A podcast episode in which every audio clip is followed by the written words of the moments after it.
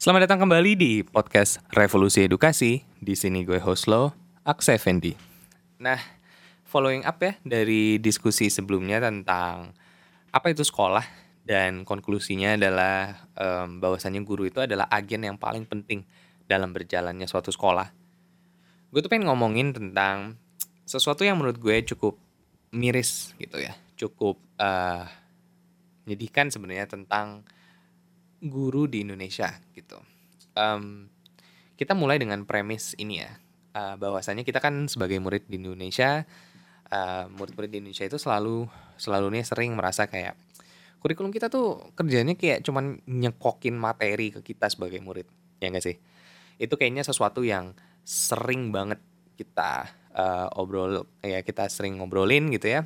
Kalau kita murid-murid tuh merasa kita ya udah kita kayak jadi ensiklopedia berjalan aja gitu ya. Kayak diajarin caranya untuk menghafal, mengingat, uh, lalu nanti uh, menjawab pertanyaan berdasarkan hafalan dan ingatan tersebut gitu. Dan ini nggak cuman uh, misalkan IPA atau PS gitu. Ini kayaknya di semua aspek pembelajaran di kurikulum kita gitu.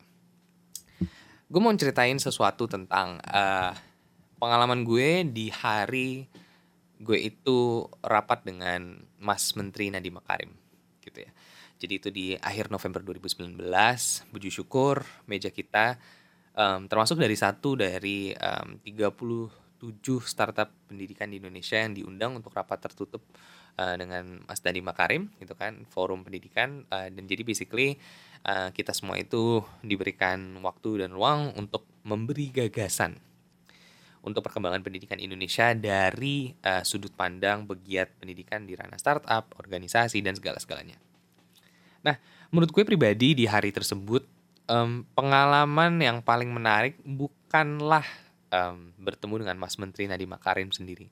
Walaupun eh, tentunya ya kalau gue sendiri ya jujur gue fanboy banget nih gitu kan sama Mas Nadim sama Mas Nadim gitu cuman menurut gue pengalaman yang paling menarik itu sebenarnya apa yang terjadi di pagi itu di hari H tersebut jadi sebenarnya gue itu um, ber apa ya berteman baik dengan uh, salah satu uh, figur di Balitbang yakni Bapak Oki Adrian uh, sekarang selaku IT Director di uh, Balitbang Kemendikbud ya.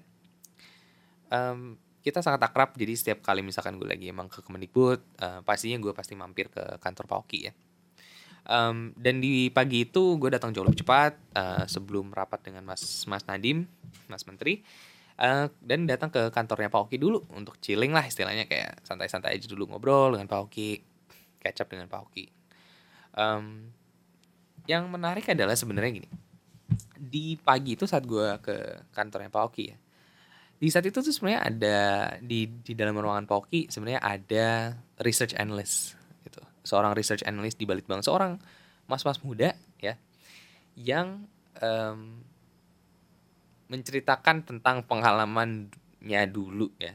Di apa namanya dulu sebelum dia menjadi research analyst ini di Balitbang dia tuh sebenarnya seorang guru di Malang dan dia menceritakan sesuatu peng, menceritakan pengalamannya yang menurut gue itu sangat membuka mata akan kondisi guru di Indonesia. Jadi dia menceritakan gini.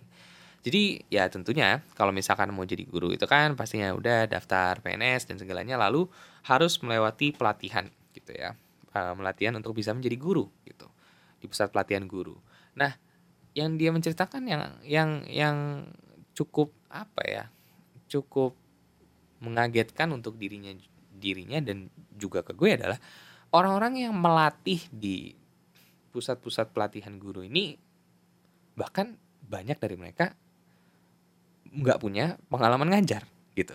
Jadi mereka tuh pakar-pakar akademis yang emang ya istilah kuat di bidangnya dan kontennya tapi sebenarnya nggak punya pengalaman ngajar.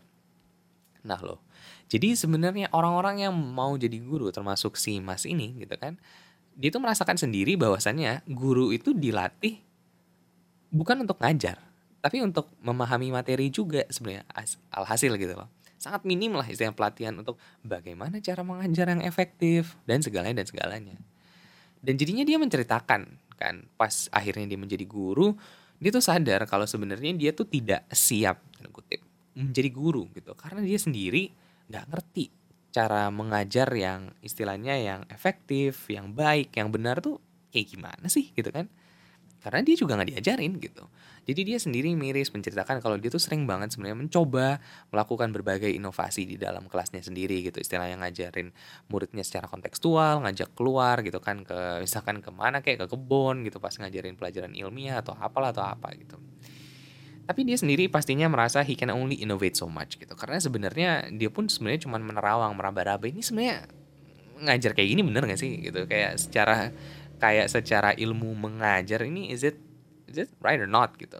Dan gue sedih gitu karena gue merasa ternyata oh selama ini ya kita sebagai murid yang kayak komplain kayak duh nah apa sih guru tuh kayaknya cuman kayak menyampaikan materi doang gitu nggak diajarin untuk kita tuh kayak nggak ngerasa diajar cuman kayak uh, estafet estafet buku paket aja gitu estafet ilmu dari uh, papan ke catatan catatan ke kepala kepala ke kertas ujian gitu kan ke lembar jawab gitu ternyata yang kita tidak ketahui sendiri adalah sebenarnya guru-guru di Indonesia pun sebenarnya nggak nggak pun nggak dilatih dengan semestinya gitu untuk caranya ngajar. Jadi pada dasarnya saat mereka datang ke kelas pun mereka pun akhirnya tanda kutip merasa helpless gitu ngajar dengan salah kadarnya dengan ya sebenarnya cuma transfer konten juga gitu. Dan itu menurut gue sangat miris gitu. Di mana akhirnya dengan pengalaman ini di hari itu benar-benar setelah interaksi dengan mas tersebut gue langsung menyampaikan dengan ke mas menteri Nadiem Makarim. Gue nggak tahu apakah beliau ingat cuman menurut gue ini sangat berkesan di kepala gue gitu. Dan ini menjadi wake up call menurut gue untuk orang-orang yang mengetahui ini bahwasannya um, berdasarkan diskursus um, revolusi edu revolusi edukasi sebelumnya kita udah istilahnya kita udah setuju bahwa bahwasanya guru itu adalah agen yang paling penting dalam berjalannya suatu sekolah. Namun di Indonesia sendiri kita kurung eh kurang um, istilahnya memberikan atensi, latihan dan segala resources gitu ya, segala sumber daya yang seharusnya kita bisa alokasikan terhadap guru-guru di Indonesia gitu. Karena mereka tanpa mereka ya sekolah itu bukan sekolah menurut gue gitu. Dan mungkin jadi episode ini terus untuk para guru di Indonesia gitu kan bahwasanya kami mendengar um, keluh kesah para guru gitu kan. Dan ini sesuatu yang harus menjadi PR utama kita gitu. karena guru itu sepenting itu dalam sekolah. Mungkin itu aja dari gue um, untuk episode kali ini. Kalau misalkan ada pertanyaan atau topik yang kalian ingin kita angkat di Revolusi Edukasi, bisa langsung DM Instagram at meja kita atau email gue langsung aja di aksa@mejakita.com. Selalunya um, itu aja mungkin ya. Um, terima kasih terima kasih banyak. Uh, nama gue Aksa Effendi. Revolusi Edukasi sekarang dan selamanya.